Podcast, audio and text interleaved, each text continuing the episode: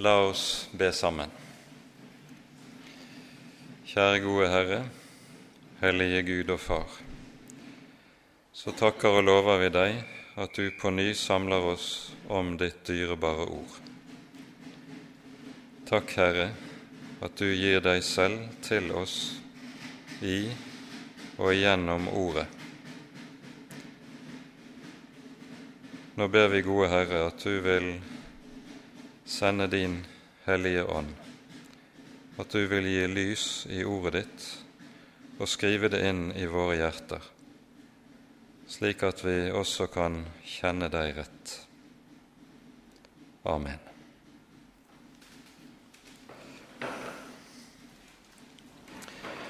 Sist gang så startet vi altså med gjennomgangen av andre Timotius brev dette brevet, som på mange måter må sies å være Paulus' åndelige testamente. Det er det siste vi har fra Paulus' hånd før han lider martyrdøden under keiser Nero. Og Dermed så får dette brevet også en uh, særlig tyngde og betydning som uh, setter det i en særstilling.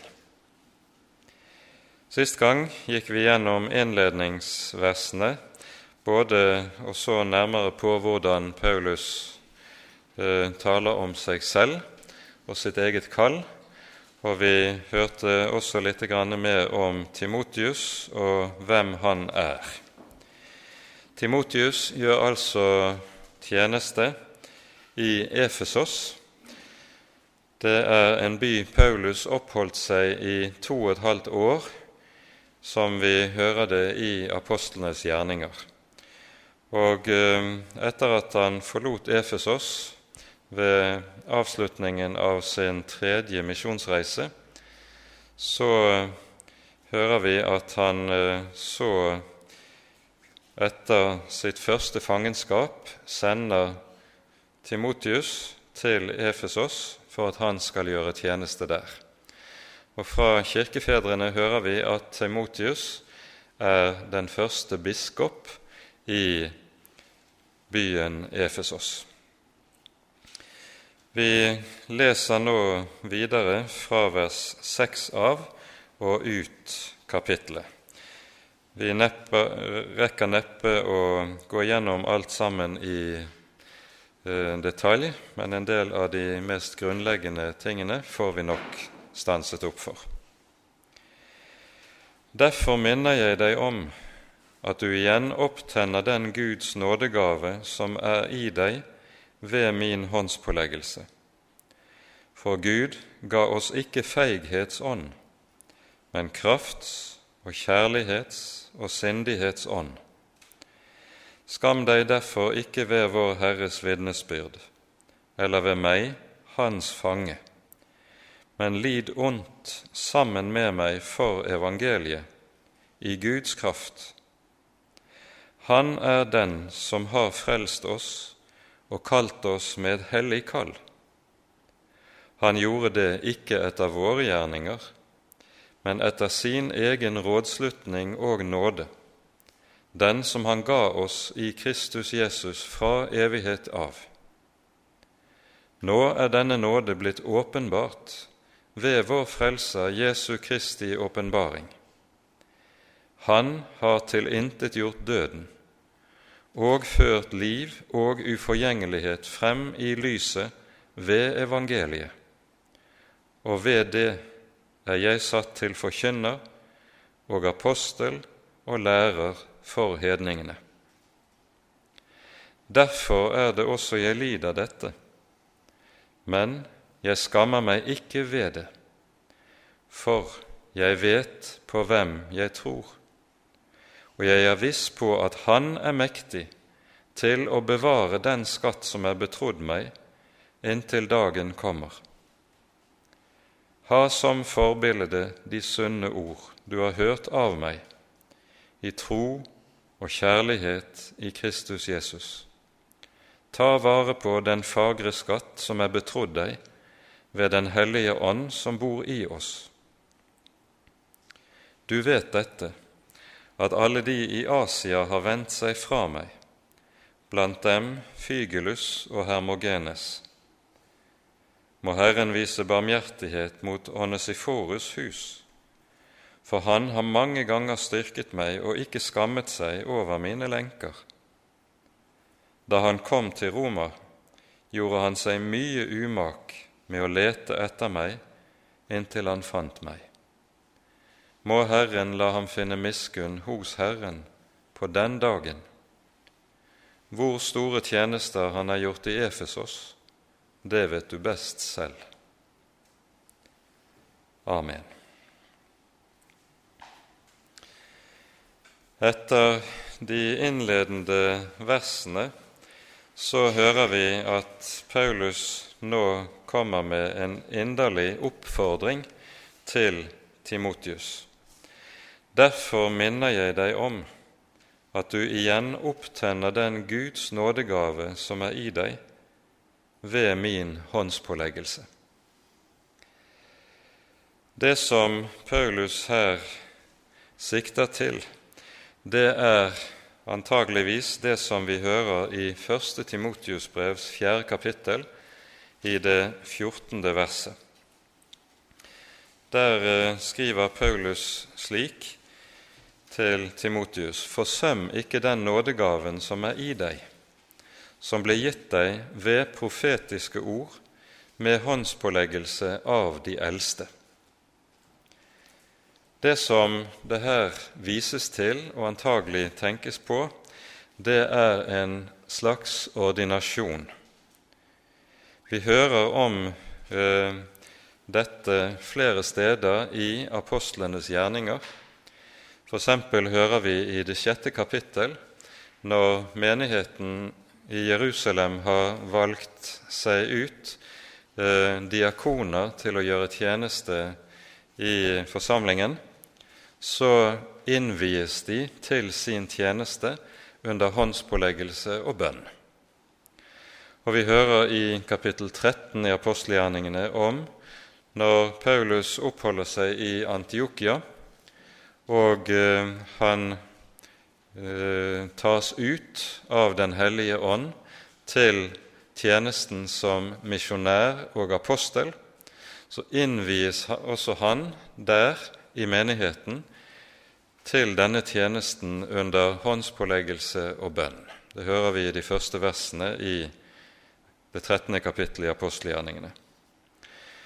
Og dette er det så det sannsynligvis siktes til eh, i denne sammenheng. I eh, 2. Timotius' brev så nevner Paulus bare sin egen håndspåleggelse men vi forstår av det som står i det første brevet, at her har det vært en forbønn, både antagelig ledet da av Paulus selv, men der de eldste i menigheten har vært sammen med Paulus i forbønnen. Og så hører vi at denne forbønnshandlingen, denne innvielsesbønn, den eh, får til følge at Timotius får en nådegave. Og Denne nådegaven får han altså oppmuntring av Paulus til å tenne opp igjen, til å holde ved like eh, i det første brevet. Vi hører ikke nærmere om hva slags nådegave det er tale om. Men ut fra det som vi ellers kan eh, lese i Paulus sine brev, og ser, eh, når vi ser hva som er Timotius' oppgave, så har det antageligvis først og fremst vært lærenådegaven, den nådegave som har med å lære og undervise i Guds ord med frimodighet. Det er sannsynligvis det som det sikter til. Denne nådegaven hører vi omtalt flere steder i Det nye testamentet. Her kan vi både nevne i 1. Korinterbrev kapittel 12. Eh, der er det jo slik at eh, det som ofte har fått oppmerksomhet, er de såkalte ekstraordinære nådegavene som omtales i begynnelsen av kapitlet. Helbredelse, tungetale, eh, undergjerninger osv. Mens det som omtales i slutten av kapittelet som de sentrale og viktigste nådegaver, det ser ut til å ha fått mindre oppmerksomhet. Der nevnes bl.a. aposteltjenesten og hyrdetjenesten og læretjenesten i menigheten blant disse nådegavene. Samme hører vi i Romerbrevets tolvte kapittel. Der nevnes også lærens nådegave. Det som er viktig å være oppmerksom på når det gjelder talen om nådegaver i Det nye testamentet, det er det Paulus skriver i Romane 12, vers 6. Her sier han følgende.: Alt etter den nåde som er oss gitt, har vi ulike nådegaver. Og så kommer i fortsettelsen listet opp forskjellige nådegaver som ytrer seg i forskjellige slags tjenester i menigheten. Men legg merke til denne innledende setningen, som altså står i vers 6. Alt etter den nåde som er oss gitt, har vi ulike nådegaver. Det som sies med dette, er at en nådegave, det er noe som hviler i og springer ut av det at en har fått lov til å ta imot og være gjenstand for Guds nåde i evangeliet. Det er altså det å ha fått lys over evangeliet, over Herrens nåde der, det er det som utvirker at det gis nådegaver blant de troende. Og Dette er uhyre avgjørende å være oppmerksom på. For saken er jo den at dermed så knyttes nådegavene først og fremst til evangeliets lys og dermed evangeliets forkynnelse og kraft. I Romerbrevets første kapittel så skriver Paulus at evangeliet er en Guds kraft til frelse. Altså, det er et budskap som er virksomt i det Gud selv virker i og gjennom dette budskapet, på en slik måte at der budskapet blir hørt, tatt imot, der virker Guds kraft i menneskets liv, til frelse, til helliggjørelse, til fornyelse, og som en del av dette også utdeling av ulike slags nådegaver. Alt etter den nåde som er oss gitt, har vi fått nådegave, skriver Paulus. Og denne nåden har jo det med seg at den alltid er noe som kommer til oss i og igjennom et bestemt budskap, nemlig evangeliet. Du finner ikke og du får ikke del i Guds nåde på noen annen måte enn nettopp gjennom det å høre evangeliet klart forkynt. Det er dette budskap som har i seg Guds egen kraft. Og så hører vi hvorledes apostelen er redskap for dette under bønn og håndspåleggelse. Det sies i kapittel 4 i 1. Timotius brev, som vi hørte, at denne forbønnshandling var ledsaget også av et bestemt budskap som Timotius fikk høre, og som vi forstår har vært viktig nettopp i den sammenheng. Nå er det sånn med enhver nådegave, like som med alt sant liv i Gud. Det er, ikke, dette, det er noe som ikke virker automatisk. Det er noe, ikke noe som du likesom har en gang for alle. Som alt sant liv har det det med seg at det må fornyes, og fornyes skjer, fornyelsen skjer gjennom samlivet med Jesus, samlivet med ham i Guds ord, slik at en fornæring for det åndelige liv. Og Det ser ut til at på en eller annen måte har Timotius her kommet til å forsømme seg. Muligens at det er menneskefrykt som er hans store fare eller fristelse, som vi skal komme tilbake til. Så sier altså Paulus, 'Jeg minner deg om at du igjen opptenner'. Her brukes det et ord som anvendes eh, Vi finner det ikke ellers i Det nye testamentet, men det anvendes om eh, et bål som har brent ut, og så er det så å si bare noen glør gjemt igjen under asken. Det ser nesten utdødd ut, men under asken ligger det fortsatt glør. Og Puster du til glørene og gir ilden næring, så vil det igjen flamme opp. Det bildet som Paulus anvender her. Og Så fortsetter Paulus med det vi hører i det syvende verset. For Gud ga oss ikke feighetens ånd, men krafts- og kjærlighets- og sindighetsånd. Når dette verset innledes nettopp med et 'for', altså en begrunnelse, så er det dette som gir en antydning om at antagelig er det fryktsomhet, at Timotius er en fryktsom sjel av naturen. Beskjeden, han er ikke av de som Eh, stiller seg i fremste rekke, så er det kanskje noe av det som er bakgrunnen for det vi hører i denne sammenheng. For Gud ga oss ikke feighetens ånd. Feighet, det er det motsatte av det vi kan kalle den kristne frimodighet. Og den kristne frimodighet er overmåte betydningsfull,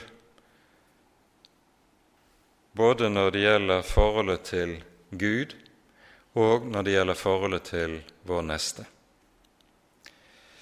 Mangel på frimodighet, motløshet, det kan, er noe som kan ha mange ulike årsaker i en kristens liv. Det kan henge sammen med vansker som en opplever, sykdom og ting som har med skrøpelig helse Vi får antydninger i eh, første Timotius brev at Timotius nok også har hatt helsemessige plager. Men det kan også henge sammen med det at ens tjeneste fører til motstand fra mennesker.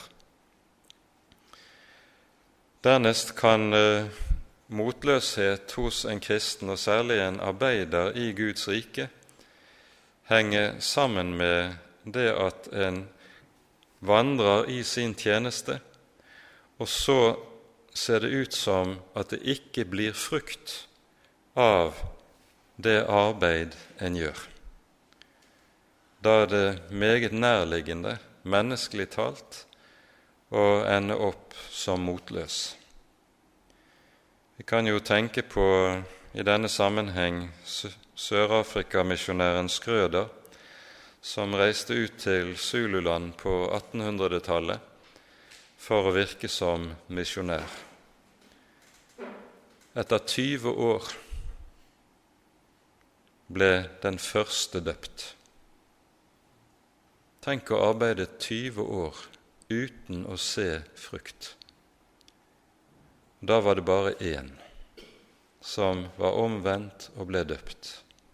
Men dette ble altså den spede begynnelse til en kristen menighet blant zuluene. Men i en slik situasjon så kan det sannelig være lett, menneskelig talt, å bli motløs. Det siste som skal nevnes i denne sammenheng, og som kan føre til motløshet, det er det som har med et menneskes syke rent personlig å gjøre. Der er de som er mye plaget med mindreverdighetsfølelse. Og der det gjør seg gjeldende i tjenesten i Guds rike, der fører det også meget lett til nettopp det vi her er inne på, og sannsynligvis har dette ikke minst vært tilfellet for Timotius' del. Vi har flere slike personer i Den hellige skrift som antagelig har hatt noe av det samme å drages med. Det fremste eh, bildet vi har i Bibelen i så måte, er vel hos profeten Jeremias, som var en særdeles følsom personlighet. Det forstår vi av eh, hans bok. Og en som også sannsynligvis i meget stor utstrekning var plaget av mindreverdighetsfølelse. Og Derfor får han stadig å kjempe med seg selv, med fryktsomhet i forhold til de Herren sender ham til, og fryktsomhet på grunn av det budskapet han er satt til å bære frem. Når vi taler slik om forholdet til motløshet hos Herrens tjenere, og hos særlig de som har fått en spesiell oppgave i Guds rike, så er det viktig å være oppmerksom på at det som er den normale situasjon i Guds rikes arbeid, det er at arbeidet går i motbakke, at en må seile i motvind. Det er den normale situasjonen.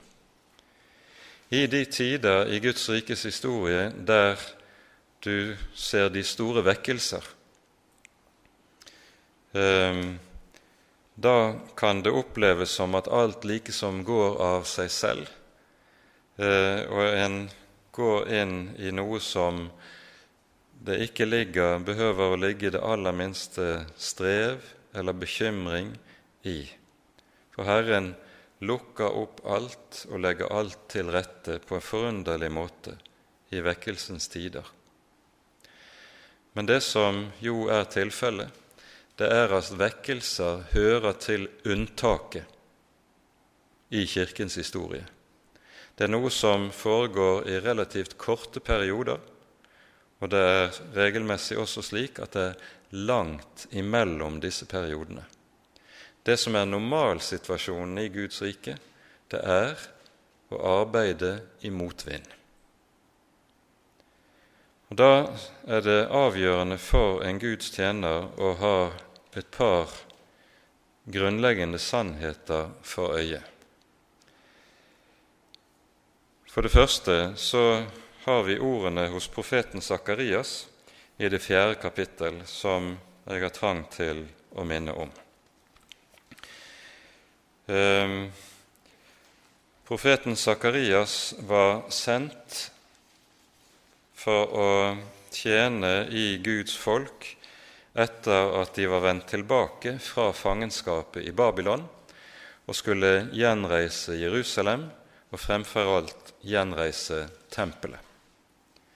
Men dette arbeidet med å gjenreise tempelet støtte på meget stor motstand fra folk som bodde i, omkring Israel.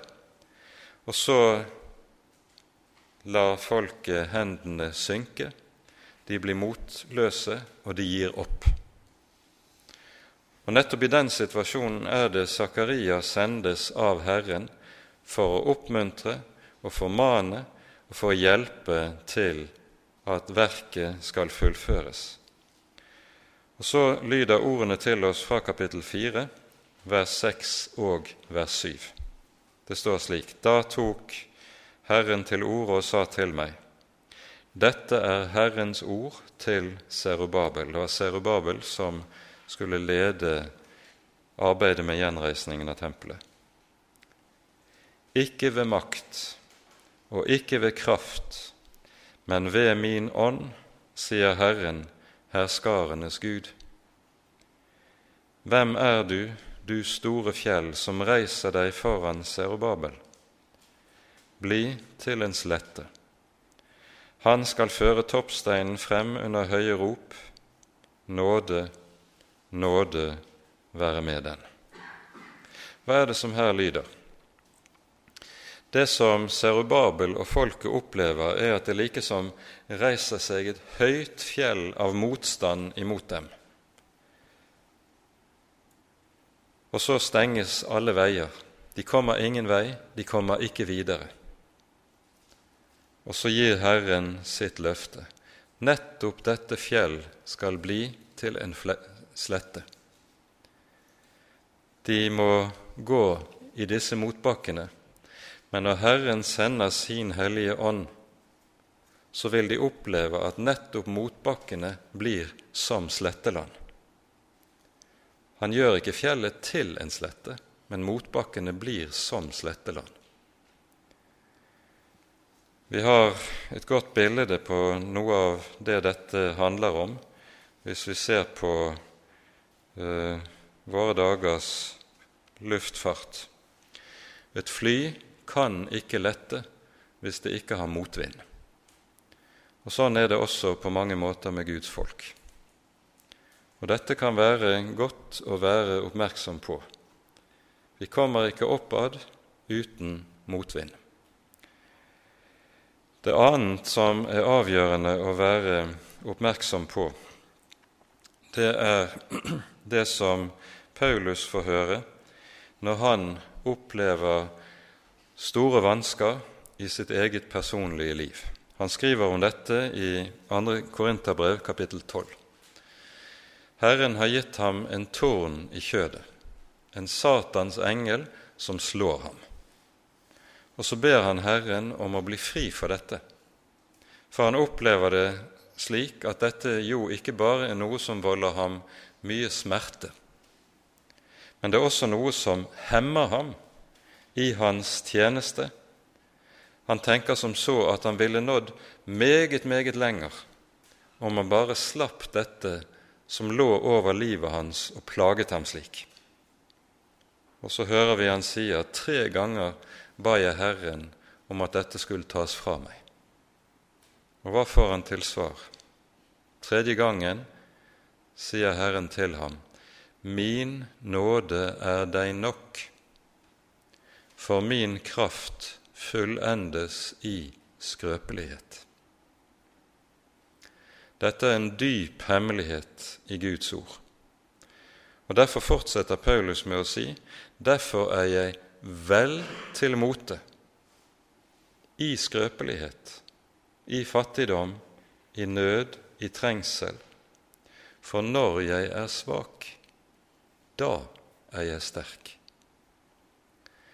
Og vi forstår det som ligger i dette, det er at når Herren sender sin ånd, så skjer ikke det på den måten at det får oss til å føle oss sterke rent subjektivt, men det er på den måten at Herren selv blir vår styrke. Vi blir så skrøpelige at vi blir totalt avhengige av Herren selv. Og så kan vi vite om jeg er svak, så er Herren sterk. Om jeg er hjelpeløs, så er min Herre slett ikke hjelpeløs. Han er den som utfører sin gjerning midt i min hjelpeløshet og min svakhet. Dette ser vi om igjen og om igjen i Den hellige Skrift. Og det kan se ut som at det er nesten en grunnlov i Bibelen at jo større gjerning Gud vil ha utført, jo mindre og skrøpeligere er det redskap han utvelger seg for det.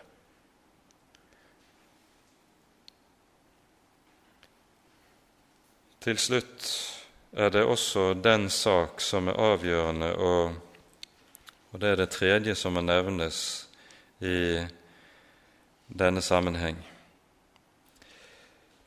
Mot i kristen forstand henger sammen med at en kristen skal vite at han er under korset.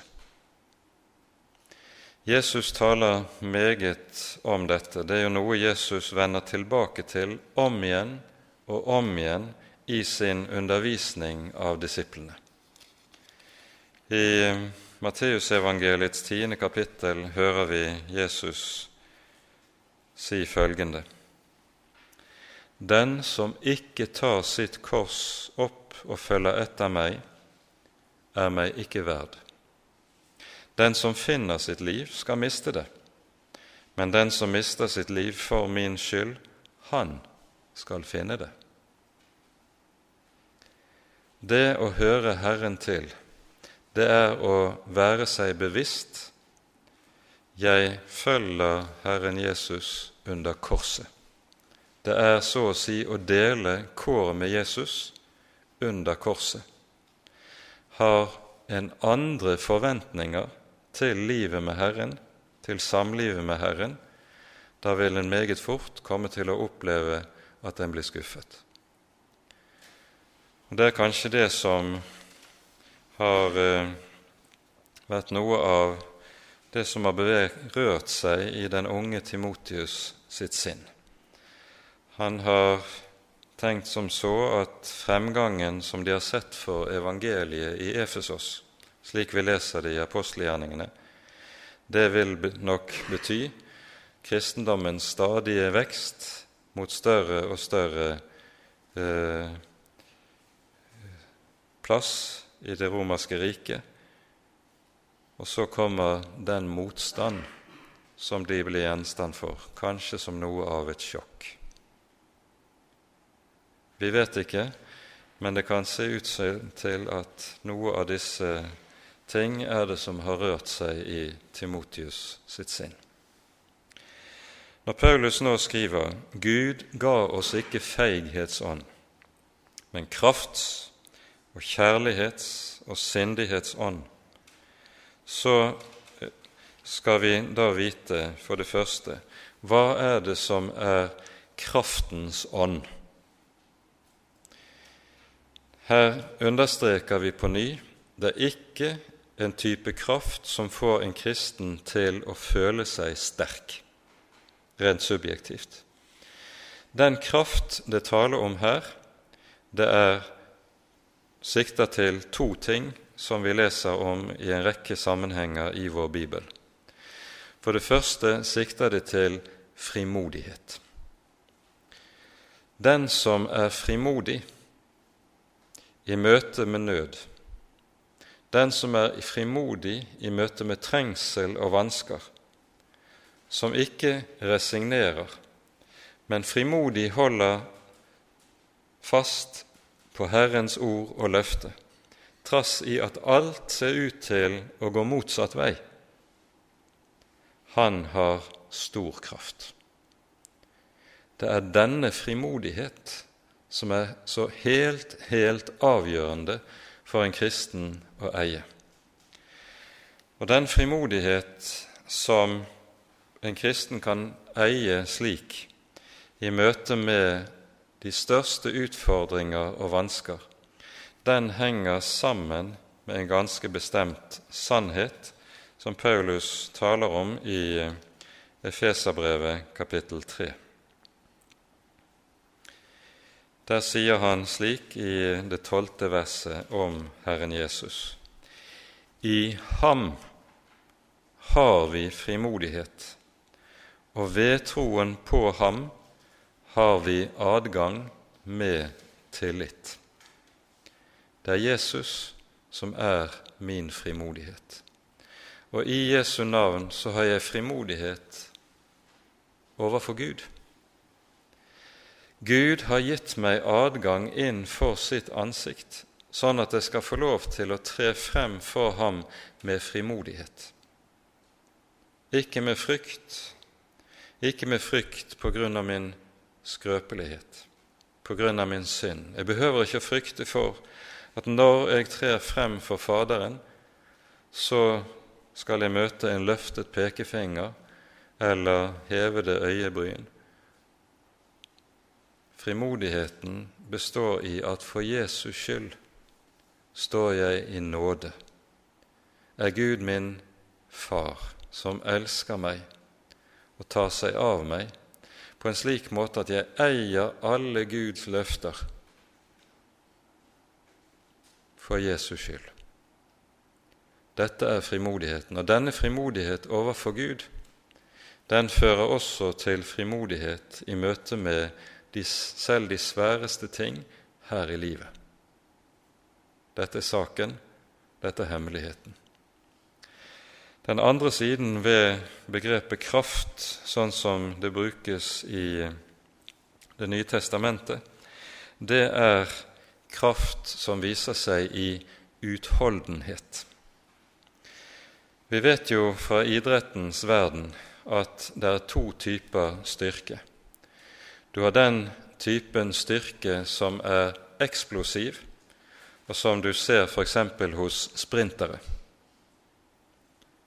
Og så har du den typen styrke som du ser hos en maratonløper. En sprinter, verdensmesteren på 100 meter, han vil ikke være i stand til å løpe en maraton. Men saken er, når det taler om kraft på denne måten i vår bibel, så er det den kraft som har med utholdenhet å gjøre, som viser seg i at den bærer over, under trykk over lang tid. Det er utholdenhet, og Paulus skriver sågar om dette i, første, i 2. Korinterbrev 12. kapittel, at denne utholdenhet den hørte med til aposteltegnet. Det var et særlig kjennetegn for aposteltjenesten og dens nådegave. For det andre nevner Paulus kjærlighetens ånd. Den kjærlighet det her sikter til, det er først og fremst broderkjærligheten. For der Den hellige ånd kommer og et menneske fødes på ny og blir Guds barn, så er den en av de første frukter, en av de sentrale og viktigste frukter, det er nettopp kjærligheten. En får en inderlig trang til å være sammen med Guds barn, med de troende. For der har en glede, sin glede, der har en sitt liv. David formulerer dette i sin 16. salme slik.: Jeg sier til Herren, Du er min Herre, jeg har intet gode utenfor deg, i det jeg holder meg til de herlige i landet, de hellige i hvem jeg har all min lyst. Slik taler han nettopp om hvorledes gudstroen og gudsfrykten har ført ham til at han kaller de troende for de herlige som er i landet. Sånn skulle vi som kristne tenke om hverandre som medkristne. De herlige som er i landet. For det tredje nevner apostelen også sindighetens ånd. Ordet som er oversatt med sindighet, det betyr og kan oversettes med selvkontroll eller edruelighet. Det kan også sikte til det som har med sunn dømmekraft å gjøre. Det er et ord som har en nokså eh, mangfoldig og vidtrekkende betydning. Og det henger sammen med det som har med åndelig modenhet å gjøre. Den som altså ikke lar seg bevege lett hit og dit av de ulike vinder som kommer herfra og derfra, men som er i stand til å kunne prøve de ulike eh, åndens vær som en stilles overfor, og så med besindighet vite hva som er veien. Nå følger det vi så hører i vers 8 på. Skam deg derfor ikke ved vår Herrens vitnesbyrd eller ved meg, hans fange, men lid ondt sammen med meg for evangeliet i Guds kraft. På ny møter vi antagelig noe av dette som har vært en fristelse hos Timotius, og som Paulus så må oppmuntre han til å unngå. Skam deg ikke. Han er en forsagt natur, en fryktsom natur, og så er det lett for ham å kunne ende opp med slike følelser som vi her står overfor.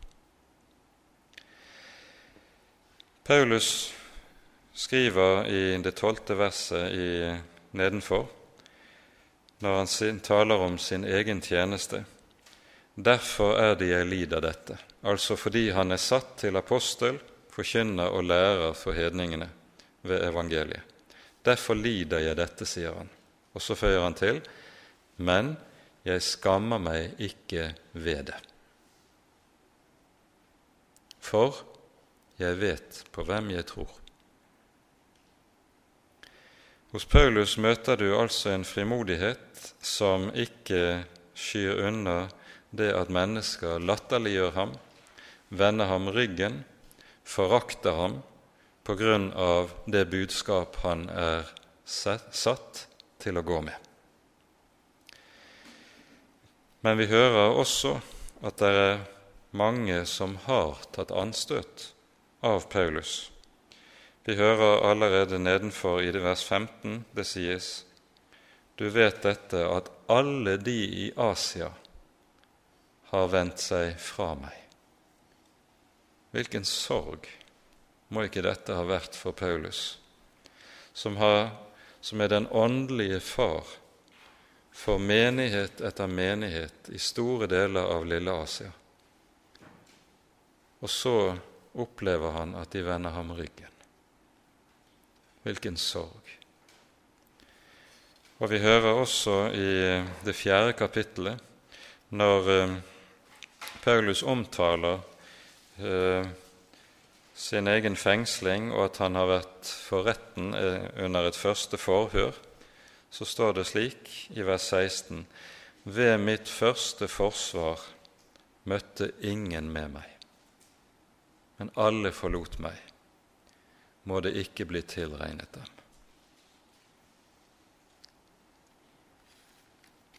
Det må ha vært en veldig sorg for apostelen å oppleve slikt som dette. Og så blir apostelen også i dette stykket en som deler kår med Herren Jesus. Sin siste lidelsesnatt forlot selv Jesu nærmeste ham og flyktet. Nå må Paulus forut for døden oppleve det samme. Vi hører også det samme om Moses og hans tjeneste i ødemarken. Gang på gang vender Guds folk seg mot ham, vil steine ham, vil avsette ham, og på ny og på ny strider de mot ham. Vårt bilde av Moses som den store leder, som folket fulgte trofast og så opp til, det er ganske misforstått. Moses var sannelig en stor leder, men folket, det var ikke et folk som så opp til ham. Men det var et folk som stadig voldte ham stor sorg ved sitt stadige opprør. For det som jo er saken, det er at Herrens tjenere må dele skjebne med Herrens ord. Det er det som er saken. Fordi mennesket stiller seg fiendtlig mot evangeliet, så stiller de seg også fiendtlig mot evangeliets tjenere. Og så vender de Paulus ryggen, han som er evangeliets tjener. Så kan de vende en Moses ryggen, som også er tjener for Herrens ord.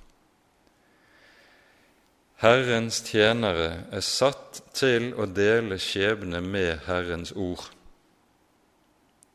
Og Derfor gjelder det for Herrens tjenere det som Paulus her skriver i vers 8.: Lid ondt sammen med meg. Å være kalt til å følge Herren, det er å være kalt til å lide ondt.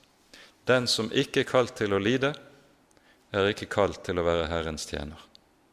En må være forberedt på det. Og Derfor hører vi Paulus gjenta det, akkurat dette, lid ondt, som en del av kallet til Timotius. Det gjentas også i kapittel 2, i vers 3.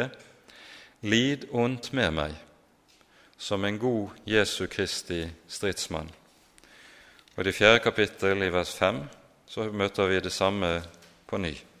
Vær du edru i alle ting, lid ondt, gjør en evangelists gjerning. Den som ikke er kalt til å lide, er ikke kalt til å være en Herrens tjener. Det er et gammelt ord som sier, og dette er helt avgjørende å være oppmerksom på.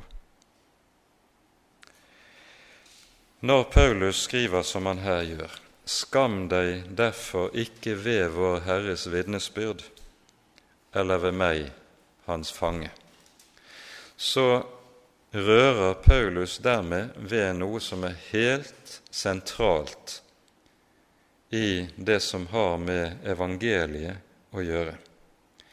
Paulus skriver jo også i Romerbrevet i det første kapittel 'Jeg skammer meg ikke ved evangeliet' for det er en Guds kraft til frelse. Hvorfor skriver Paulus det?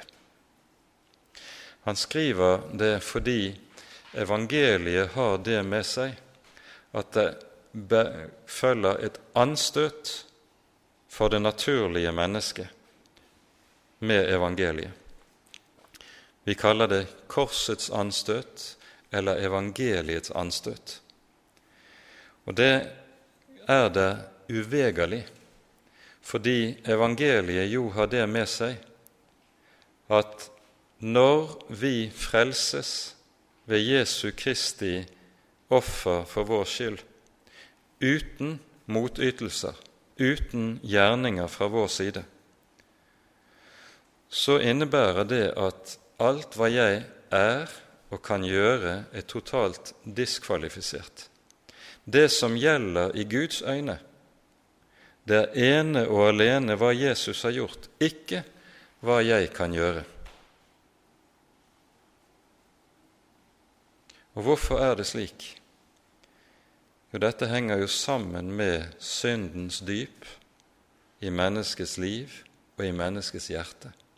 Fordi synden har slik makt, fordi synden har slikt grep om meg, så alt det jeg måtte ha å bidra med eller fare med, det satt til side.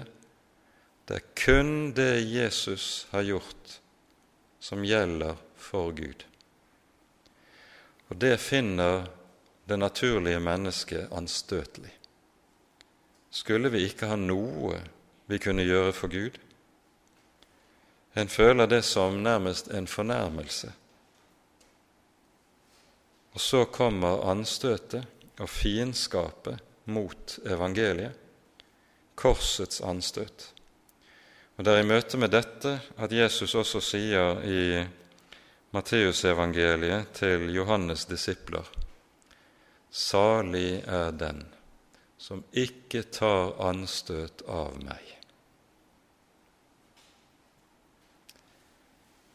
Skam deg derfor ikke ved vår Herre Jesus' vitnesbyrd, eller ved meg, hans fange. Når Herrens tjenere må lide, så skal Guds folk tenke på dem, ta seg av dem, bære dem i sine bønner, besøke dem i fengsel. Dette er et sterkt ord som taler om forholdet til den lidende kristne kirke, hvordan den er i verden. Vi skal ikke skamme oss over dem. Vi merker oss også at Paulus bruker et særegent uttrykk. Han sier at han er Jesu fange. Han sier merkelig nok ikke at han er keiserens fange. Det er han jo ytre sett, menneskelig sett. Men han sier altså at han er Jesu fange, der han sitter i fengsel. Det samme uttrykket møter vi også igjen i Efeserbrevet i det tredje kapittelet. Der taler også Paulus om nettopp dette at når han sitter i fangenskap, så er han Jesu fange. Det er for Jesus skyld han er ført inn dit, og det er fordi han følger Jesus, han er bundet av Jesus, så følger han Jesus også inn i fengsel og trengsel. Han er bundet av Jesus. Han kunne sluppet fengsel om han fornektet. Han kunne sluppet fengsel om han bare ville ofre til keiseren. Han kunne sluppe fengsel om han populariserte budskapet slik at det ble akseptabelt for de fleste.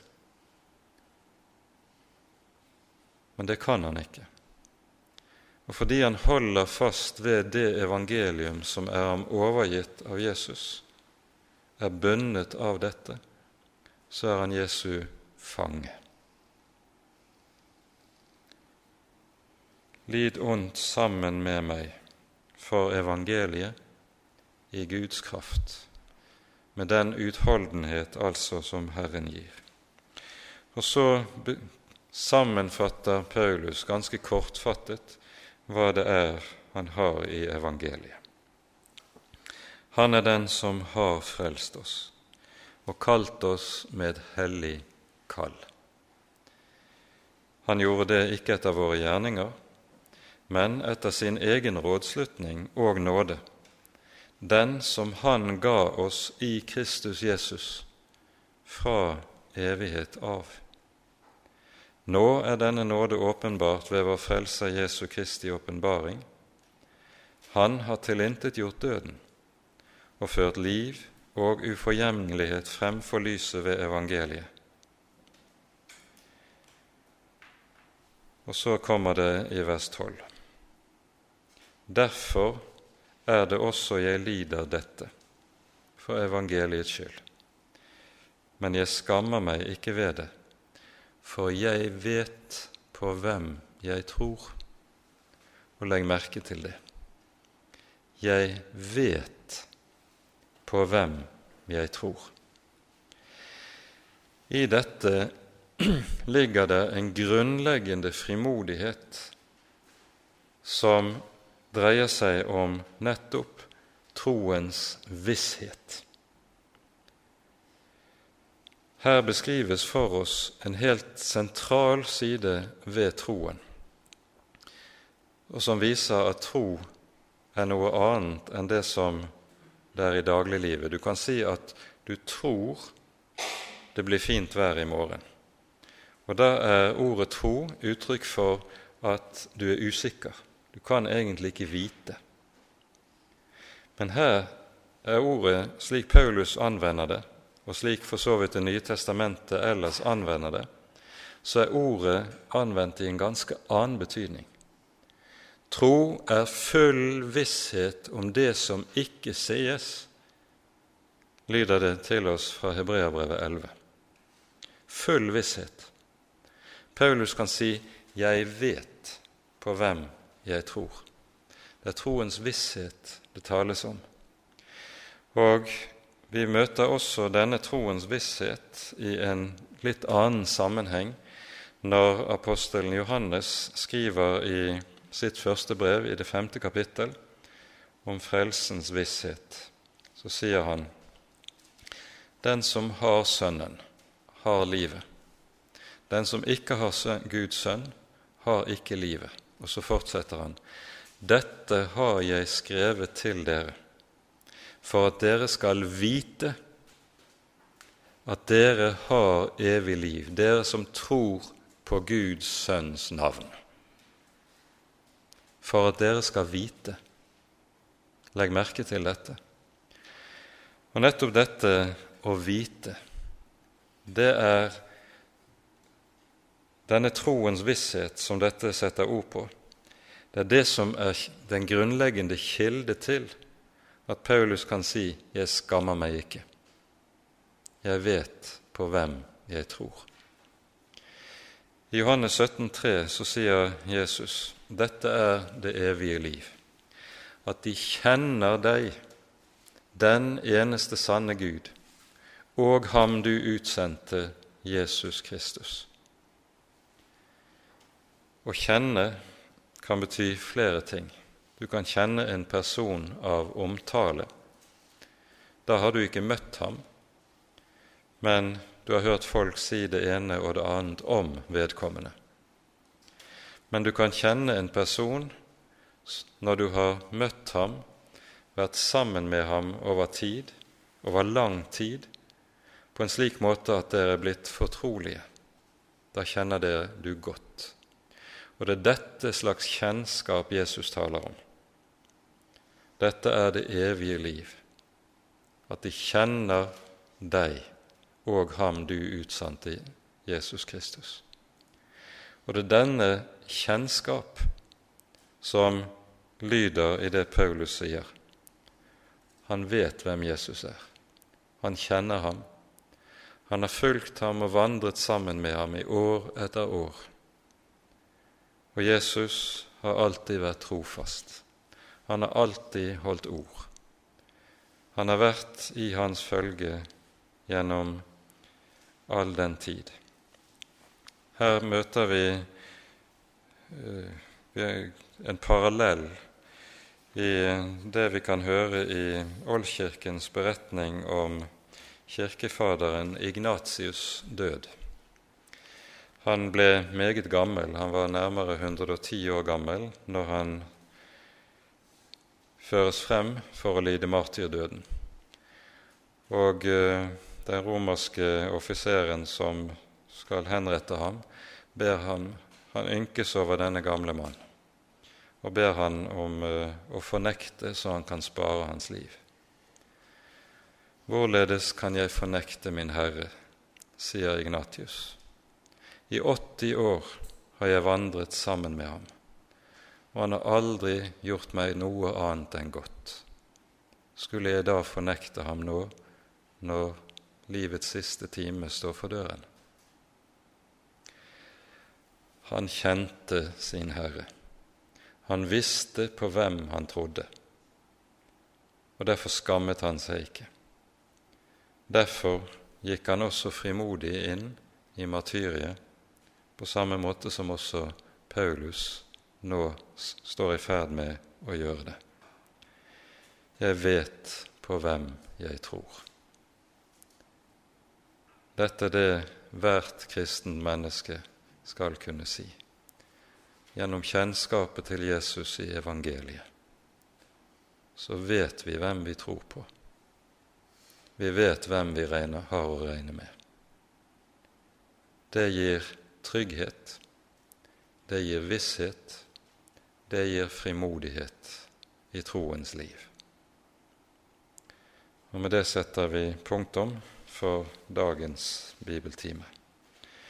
Ære være Faderen og Sønnen og Den hellige ånd, som var og er og være skal en sann Gud, høylovet i evighet. Amen.